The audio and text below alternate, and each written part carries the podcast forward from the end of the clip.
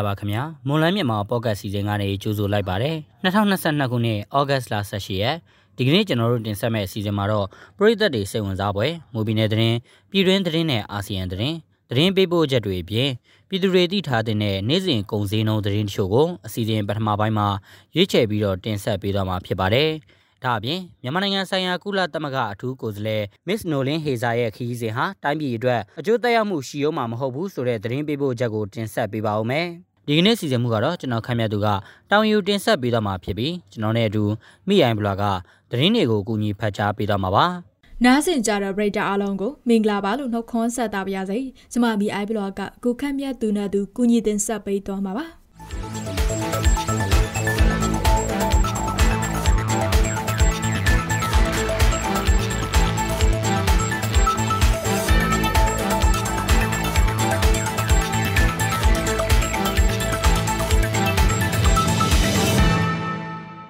ပြူရဲ့မြို့မရဲစခန်းကိုမင်းည9နာရီလောက်က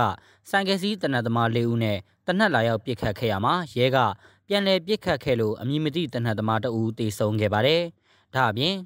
တေဆုံးသူအလောင်းနဲ့အတူ6လုံးပြူတလက်ကြည်စံတမြောင်တစ်ချောင်းဟွန်တာဖက်ဆိုင်ကယ်တစ်စီးပါတင်းယူရရှိခဲ့တယ်လို့ရဲစခန်းနဲ့နီးစပ်သူတဦးကဆိုပါတယ်။အပြန်အလှန်ပစ်ခတ်မှုတွေဖြစ်ပွားခဲ့ပြီးတဲ့နောက်နောက်ထပ်၃ဦးကတော့ဆိုင်ကယ်နဲ့ထွက်ပြေးလွတ်မြောက်သွားပြီးစစ်တပ်က တံပြူစီရဲ့မြို့အဝင်ထွက်ဂိတ်တွေကိုလုံခြုံရေးတင်းကျပ်ခါဆိုင်ကယ်တွေကိုအဓိကထားစစ်ဆေးမှုတွေလှုပ်ဆောင်ခဲ့ပါတယ်။ပြီးခဲ့တဲ့ဇွန်လတုန်းကလည်း TBDF နဲ့ Saw Dragon အဖွဲ့တို့ပူးပေါင်းပြီးမြို့မရဲစခန်းနဲ့ထွေအုပ်ရုံးကြားကဆရဖရုံးကို drone နဲ့တိုက်ခိုက်ဖို့စ조사ခဲ့ပေမဲ့မအောင်မြင်မဲ့ပါဝင်ကူညီသူတွေကိုဖမ်းဆီးနိုင်ခဲ့တယ်လို့ရဲစခန်းဘက်ကဆိုထားပါတယ်။မွန်ပြည်နယ်ဝန်ကြီးချုပ်ဟောင်းဒေါက်တာအေးဆန်ရဲ့ခြေဖြတ်အမိတ်ကြပြီးသားရွေးကောက်ပွဲအမှုကိုပြည်ထရေးကပြင်ဆင်ချက်လျှောက်ထားပြီးတရားပြန်ဆွဲလိုက်ပါတယ် ဒေါက်တာအေးဆန်ရဲ့ရွေးကောက်ပွဲအမှုကိုပြည်တော်စုတရားလွှတ်တော်ချုပ်ရုံးကခြေဖြတ်အမိတ်ချမှတ်ထားပြီးဖြစ်ပေမဲ့နာဆာကကောင်စီကအဲ့ဒီအမှုကိုတရားစွဲအဖွဲ့စည်းခွင့်ပြုအမိန့်နဲ့ပြည်လဲလျှောက်ထားပြီးဒုတိယအကြိမ်တရားစွဲဆိုခဲ့တာပါဝန်ကြီးချုပ်ဟောင်းဒေါက်တာအေးဆန်ဟာပြီးခဲ့တဲ့ရွေးကောက်ပွဲမှာမလျော်ဩစာတုံးတဲ့ဆိုတဲ့ဆွဆွဲချက်နဲ့ရစသက်ကြီးဥပဒေပုံမှ181စလုံးအရအမှုနှစ်မှုကိုရင်ဆိုင်ခဲ့ရတာဖြစ်ပါတယ်။ ဝန်ကြီးချုပ်ရဲ့ရှေ့နေအဖွဲ့ကတရားစွဲအဖွဲ့စည်းခွင့်ပြုမိတ်မပါတာကြောင့်ခြေဖြတ်ပေးဖို့ပြည်တော်စုတရားလွှတ်တော်ချုပ်ရုံးကိုရှောက်လဲခဲ့ပါတယ်။စွန်လက်ကုံပိုင်းမှာတော့ပြည်တော်စုတရားလွှတ်တော်ရုံးချုပ်ကအမှုတစ်ခုလုံးကိုခြေဖြတ်တယ်လို့အမိန့်ချခဲ့ပါတယ်။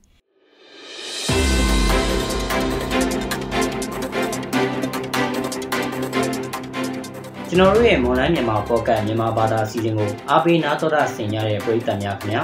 ကျွန်တော်တို့အတန်လွဲ့အစီအစဉ်ကနေပြီးတော့ဝန်ပြည်နယ်မှာဖြစ်ပျက်နေတဲ့သတင်းတွေပြည်တွင်းငြိမ်းချမ်းရေးဖြစ်စဉ်တွေအပြင်မြန်မာနိုင်ငံသတင်းနဲ့အာဆီယံသတင်းတွေကိုအပတ်စဉ်တင်လာနေကနေတောက်ကြနေမှာည9:00နာရီအချိန် Moon News Agency Facebook စာမျက်နှာမှာဝင်ရောက်နားဆင်နိုင်ကြလို့ Online မြန်မာ Podcast စာမျက်နှာမှာလည်းဝင်ရောက်နားဆင်နိုင်ပါပြီ။အားပေးကြတဲ့ပရိသတ်များအားလုံးကိုကျေးဇူးတင်ပါတယ်ခင်ဗျာ။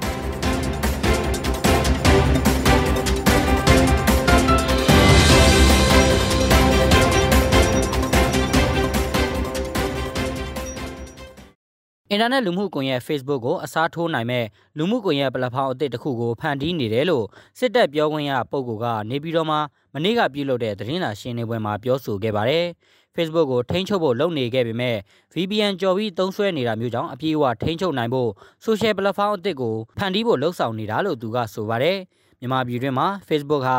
အမျိုးသားရေးစရိုက်လက္ခဏာအပေါ်မှာရောယဉ်ကျေးမှုအပေါ်မှာပါတော်တော်လေးလွှမ်းမိုးမှုရှိတာ။ နောက်စံနှုန်းနဲ့မကိုက်ညီတာတွေကိုပယ်ဖြတ်နေတယ်ဆိုပေမဲ့အမျိုးဘာသာသာသနာနဲ့ဆက်နွယ်တာတွေဆိုရင်ဖယ်ရှားခံနေရတော့ဖြစ်တယ်လို့သူကဆက်ပြောပါတယ်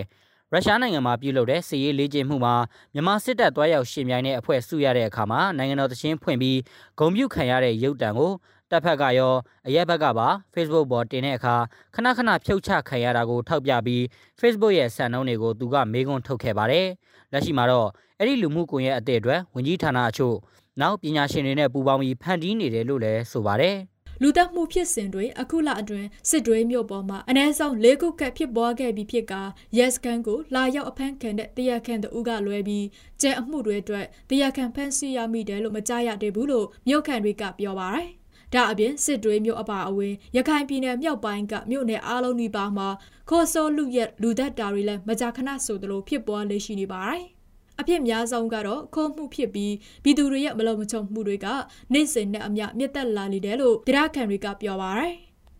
ပြီးခဲ့တဲ့လပိုင်းအတွင်းကလည်းစစ်တွေမျိုးကန်တော်ကြီးရက်ကွက်အတွင်းကနေအိမ်တအိမ်မှာညအချိန်တစ်ခိုးအခိုးခံလိုက်ရတာကြောင့်ငွေသားကျပ်သိန်း300နဲ့ရွှေပြက်စည်းတွေအပါအဝင်ကာလတန်ဖိုးကျပ်သိန်းပေါင်း900ကျော်ဖို့ခက်အခိုးခံလိုက်ရတဲ့ဖြစ်စဉ်တစ်ခုလည်းပေါ်ပေါက်ခဲ့ပါတယ် အခုလိုခိုးဆိုးလူရမှုတွေဟာရခိုင်ပြည်နယ်အတွင်းနေ့စဉ်အလိုလိုဖြစ်ပွားလေရှိပြီးဒီလိုပြည်သူတွေရဲ့ရင်ဆိုင်နေရတဲ့မလုံမချုံမှုတွေနဲ့ပတ်သက်လို့လက်ရှိအာဏာဆုံးမမှုရှိနေတဲ့ဒေသတွေကအာဏာပိုင်အဖွဲ့အစည်းတွေအပေါ်မှာတာဝန်ရှိတယ်လို့စာရေးဆရာဝေဟင်အောင်ကပြောပါတယ်ထိုင်းနိုင်ငံတောင်ပိုင်းမှာအကြောင်းမျိုးမျိုးကြောင့်ပြစ်ဒဏ်တင်ပြီးလွတ်ရက်စေ့ပြန်လွတ်လာတဲ့မြန်မာနိုင်ငံသား183ဦးကိုဒီကနေ့မနက်ပိုင်းမှာရနောင်းအာဏာပိုင်တွေကတနင်္သာရီတိုင်းကော့တောင်းမြို့ကတပ်ဆိုင်ရာကိုပြန်လည်လွှဲအပ်ပေးခဲ့ပါတယ်။ သူတို့တွေဟာထိုင်းနိုင်ငံတောင်ပိုင်းနေရာအသီးသီးမှာနိုင်ငံထဲတရားမဝင်ဝင်ရောက်မှုစာရက်စာတမ်းအထောက်အထားမပြည့်စုံမှုအလုရှင်လွဲမှားမှုအလုနေရလွဲမှားမှုစရှိတဲ့အလုသမားဥပဒေနဲ့ညီဆုံးမှုတွေ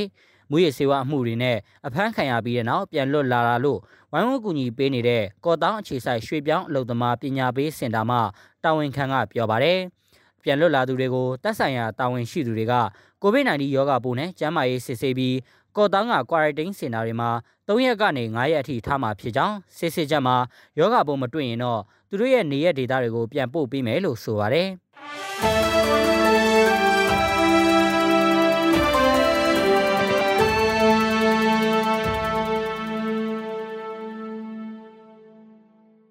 ဆက်လက်ပြီးတော့ပြည်သူတွေသိထားတဲ့နေ့စဉ်ကုန်စည်နှုန်းသတင်းတချို့ကိုမော်လမြိုင်ကုန်စည်တန်းကအချက်လက်တွေကိုအခြေခံပြီးကျွန်တော်ခန့်မှတ်သူကတင်ဆက်ပေးပါဦးမယ်။ ဒီကနေ့ထိုင်းနဲ့မြန်မာငွေလဲနှုန်းကတော့ထိုင်းဘတ်89ဝယ်ဈေးရှိပြီးရောင်းဈေးကတော့83.53ညရှိပါတယ်။ဒေါ်လာဈေးကတော့အမေရိကန်ဒေါ်လာကိုဝယ်ဈေးမြန်မာငွေ2810ရှိပြီးရောင်းဈေးကတော့2845ကျပ်ရှိပါတယ်။ရွှေဈေးနှုန်းကတော့မီလင်16ပဲရေတစ်ကြက်သားကို25သိန်း9000ရှိနေပြီး15ပဲရေတစ်ကြက်သားကို24သိန်း4000ရှိပါတယ်။73စီဈေးတွေကတော့ ဒီဇယ်1လီတာကို2930ကျပ်အောက်တိန်92တလီတာကို2335ကျပ်နဲ့95တလီတာကို2425ကျပ်အထိရှိနေပါတယ်။ဆန်စည်းနှုန်းကတော့အကောင်းစားပေါ်ဆန်မွေ108ပေါင်အမြင့်ဆုံးကို6500ကျပ်အလဲလက်တန်းဆန်မျိုးစာပေါ်ကျွဲသစ်108ပေါင်အနိမ့်ဆုံးကို48500ကျပ်နဲ့အမထဆန်တွေကတော့108ပေါင်အနိမ့်ဆုံးကို3900ကျပ်နဲ့အမြင့်ဆုံးကို4300အထိရှိနေပါတယ်။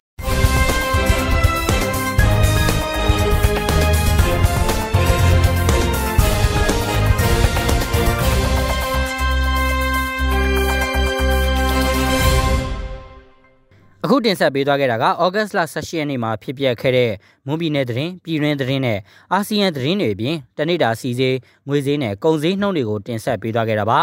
ဆက်လက်ပြီးတော့မြန်မာနိုင်ငံဆိုင်ရာကုလသမဂ္ဂအထူးကိုယ်စားလှယ်မစ်နိုလင်းဟေဇာရဲ့ခရီးစဉ်ဟာတိုင်းပြည်အတွက်အကျိုးသက်ရောက်မှုရှိဦးမှာမဟုတ်ဘူးဆိုတဲ့သတင်းပေးပို့ချက်ကိုတော်တာကတင်ဆက်ပေးပါဦးမယ်။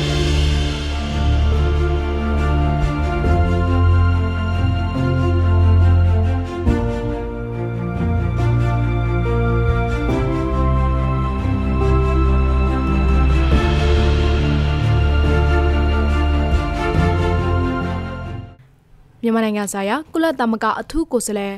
Mrs. Nylin Hazer ရဲ့ Mrs. Nolan Hazer ရဲ့ခရီးစဉ်မှာတိုင်းပြည်သွားအကျိုးသက်ရောက်မှုရှိမှာမဟုတ်ဘူးလို့ပအုပ်အမြင့်သားဖက်ဒရယ်ကောင်စီ PNFC ဥက္ကဋ္ဌခွန်မြင့်ထွန်းကပြောပါတယ်။ဒီမိုကရေစီရေးတက်ကြွလှုပ်ရှားသူကိုချင်းမီကိုဖြိုးစရာတော်အပါဝင်လေးဦးကိုပြည်တန်စီရင်ပြီးနောက်ကုလသမဂ္ဂအနေနဲ့နောက်ဆက်ကနဲ့တွေ့ဆုံမှုမှာတိုင်းပြည်သွားတိုးတက်မှုပြောပလောက်အောင်တက်ရောက်မှာမဟုတ်ဘူးလို့သူကဆိုပါတယ်။ ပြောရကျွန်တော်ဟိုတခုပဲပြောရမယ်ဆိုရင်တော့ဒါဘယ်လိုနည်းနဲ့ဆက်ဆံရေးပဲပြောပြောအခုကိုကိုဂျင်မီတို့ကျိုးစရာတော်တို့ကိုသူရအောင်တို့ဒီအပါဝင်ပေါ့နော်ဒီလေးဦးကိုဒီလိုမျိုးနိုင်ငံရဲ့ကုလသမဂ္ဂအပါဝင်နိုင်ငံတကာအတိုင်းအဝိုင်းတစ်ခုလုံးကပြင်းပြင်းထန်ထန်ကန့်ကွက်နေတဲ့ကြားနေပြီးတော့မှဒီလိုကွက်မြက်ခဲ့တာဒီကွက်မြက်ခဲ့တာဖြစ်တဲ့အခါကျတော့ ဒီနေ့ ကုလသမဂ္ဂကနေပြီးတော့ ဒီလို စစ်ကောင်စီနဲ့လည်းတွေ့တယ်ဆိုတဲ့ဟာကလည်းပဲဒီကျွန်တော်တို့ တိုင်းပြည်ရဲ့ လက်ရှိ တိုးတက်မှုဖြစ်စဉ်ပေါ်မှာတော့ ပြောပလောက်အောင်တော့ဟိုတက်ရောက်မှုရှိအောင်မှာ မဟုတ်ဘူးလို့တော့ ကျွန်တော် အဲ့လိုမြင်ပါတယ် Mrs. Nolan Hazer ဟာ မြန်မာနိုင်ငံကို ဩဂုတ်လ16ရက်နေ့ မနက်ပိုင်းက ရောက်ရှိခဲ့ပြီး ဩဂုတ်လ19ရက်နေ့မှာနှဆက်ကဥက္ကဋ္ဌ ဗိုလ်ချုပ်မူကြီးမြင့်အောင်လိုင်းနိုင်ငံသားရေးဝန်ကြီး ဦးနာမောင်လွင်တို့နဲ့ တွေ့ဆုံဆွေးနွေးထားပြီး ဖြစ်ပါတယ်။ ကုလသမဂ္ဂအထူးကိုယ်စားလှယ်အနေနဲ့တနစ်ခွဲသွင်းမှာပထမဆုံးချိန်လာရောက်တဲ့ခီးစင်မှာအပြောင်းလဲကြီးကြီးမားမားမရှိသေးကြောင်းသို့တော်လည်းလက်ရှိတိုင်းပြည်မှာဖြစ်ပေါ်နေတဲ့အကြက်အသေးတွေကိုတခုချင်းစီချင်းကပ်သွားမှာဖြစ်တယ်လို့ငញ្ញချင်းရေးလုပ်ငန်းစဉ်ဦးဆောင်ဖွဲ့ BBSD မှပြောရေးဆိုခွင့်ရှိသူနန်းရင်ဆိုကပြောပါတယ်လက်ရှိအခြေအနေတွေအပေါ်မှာဘယ်လောက်ထိဖြည့်ရှင်းနိုင်မလဲဆိုတဲ့အနေအထားလေးရှိသေးတာကို ဆိုတဲ့အခါကျတော့အတိအကျကြီးပြောဖို့ဆိုတာထက်ဆွေးနွေးတဲ့ရလဒ်ပေါ်မှာပဲပထမဦးဆုံးအနေနဲ့ချဉ်းကပ်မှုအပိုင်းကတော့ဘယ်လိုပုံစံနဲ့အဲဆွေးနွေးကြမလဲဆိုတဲ့အပေါ်မှာပဲမူတည်တယ်ပြီးတော့မှအမားတို့ဟိုဖြစ်သလိုပဲတစ်ဆင့်ချင်းကတော့သွားရမှာပေါ့မောင်လေးအဲဒါကလည်းတနစ်ခွဲအတွင်းမှာသူ့ကိုပထမဦးဆုံးချိန်ဒါ SCC ဘက်ကလည်းပြန်ပြီးတော့မှပြည်ဝင်ခွင့်ပြီးတဲ့သဘောပေါ်မှာဘယ်လိုတွေ့ဆုံဆွေးနွေးမှုတွေနဲ့ပြုလုပ်ကြမလဲဆိုတာကတော့အမားတို့စောင့်ကြည့်ရမှာဖြစ်ပါတယ်အဲ့ဒီကနေတဆင့်ပြီးတော့မှအမားတို့ဒါ နောက်တစ်ဆင့်ကိုပြန်ပြီးတက်တက်လှမ်းရမှာပေါ့နော်ဥပမာ press second ခီးစဉ်လို့ပေါ့ပထမတစ်ချိန်လာတယ်ဒုတိယတစ်ချိန်လာတယ်အဲ့လိုမျိုးပုံစံလေးတွေနဲ့တော့ချင်းကပ်သွားရမယ်လို့တော့မြင်တယ် result ကြီးကြီးကြီးမားမားတိတိကျကျနဲ့သွားဖို့ဆိုတာကတော့ဆွေးနွေးတဲ့ရလဒ်ပေါ်မှာပဲမူတည်ပါတယ်မော်လေးလက်ရှိတိုင်းပြည်ရဲ့အရေးကိစ္စကိုကုလသမဂ္ဂအနေနဲ့အလေးထားဖြေရှင်းဖို့လိုအပ်တယ်လို့ BNFC ဥက္ကဋ္ဌခုံမြင့်ထုံကဆိုပါတယ်။ဟုတ်ကဲ့ဒီကုလသမဂ္ဂကတော့ဒါအခု ဟိုစစ်ကောင်စီကိုသူကတော့တရားဝင်မှုပေးတာမဟုတ်ဆိုတော့ကြိုတင်ပြီးထုတ်ပြန်တာကဒါကျွန်တော်တို့တရားရုံးမှာသမရကြီးဦးဝင်းမြင့်ရဲ့ထွက်ဆိုချက်လည်းအဓိကကျပါလိမ့်မယ်။ဘာလို့ဆိုဒီစစ်ကောင်စီကိုတရားဒီစစ်ကောင်စီကတော့အာဏာသွဲယူတယ်လို့ပြောတာတကယ်တကယ်သူကအာဏာသိမ်းတာတယ်။သူဒီသမရကြီးဦးဝင်းမြင့်ကသူအာဏာသိမ်းခံတာဆိုတာကိုလည်းဒါတရားရုံးမှာပြောရတယ်ဆိုတော့ကြောက်ကုလသမဂ္ဂကတော့ကျွန်တော်တို့ဒီစစ်ကောင်စီကိုအတိမတ်ပြုဖို့ကတော့အခက်အခဲအများကြီးရှိမှာဖြစ်ပါတယ်။ဒီအခြေအနေမှာကတော့ဘယ်လိုပဲဖြစ်ဖြစ်ကျွန်တော်တို့တိုင်းပြည်ရဲ့ အရေးကိစ္စကို ကုလသမဂ္ဂက အလေးနဲ့ထားပြီး ဖြေရှင်းတယ်ဆိုတာ ဖြစ်ဖို့ကတော့လိုတယ်။ဖြစ်ဖို့လိုတော့အခုဒီကိုဂျင်မီတို့လိုကိုဂျင်မီအပါအဝင် ၄ ယောက်ကို ဒီလို သေဒဏ်ပေး ကွက်မျက်ခဲ့တယ်ဆိုတဲ့ဟာ နိုင်ငံတကာ အသိုင်းအဝိုင်း တစုံလုံးကနေပြီးတော့ တခုလုံးကနေပြီးတော့ ကန့်ကွက်တဲ့ကြားကနေ လုပ်ခဲ့တာဖြစ်တယ်။လုပ်ခဲ့တာ ဖြစ်ခဲ့တဲ့အခါကျတော့ဒီစစ်ကောင်စီအနေနဲ့ကတော့ ဒီအချိန်မှာ ဘယ်သူနဲ့ပဲ တွေ့ရတွေ့ရအတိအမှတ်ပြုတယ်လို့ပြောပြောအတိအမှတ် မပြုဘူးလို့ပြောပြော သူ့အတွက်ကတော့ ဒါကတော့ ကောက်ယူတဲ့မြင်တော့ ဖြစ်မှာပေါ့ ကုလသမဂ္ဂအထူးကိုယ်စားလှယ်နဲ့နာဆာကတို့တွေ့ဆုံစဉ်မြန်မာနိုင်ငံနဲ့ကုလသမဂ္ဂအကြားယုံကြည်မှုနဲ့ပူးပေါင်းဆောင်ရွက်မှုမြင့်တင်ရေးစတာတွေကိုဆွေးနွေးခဲ့ကြတယ်လို့နာဆာကကထုတ်ပြန်ခဲ့ပါတယ်။ Mrs. Nolan Hazer ရဲ့ရုံးကတော့ဖမ်းဆီးထားတဲ့လူငယ်တွေကိုပြန်လှုပ်ပေးဖို့နဲ့အကြမ်းဖက်မှုတွေရပ်တန့်ရေးဆွေးနွေးခဲ့ကြတယ်လို့ထုတ်ပြန်ထားပါတယ်ရှင်။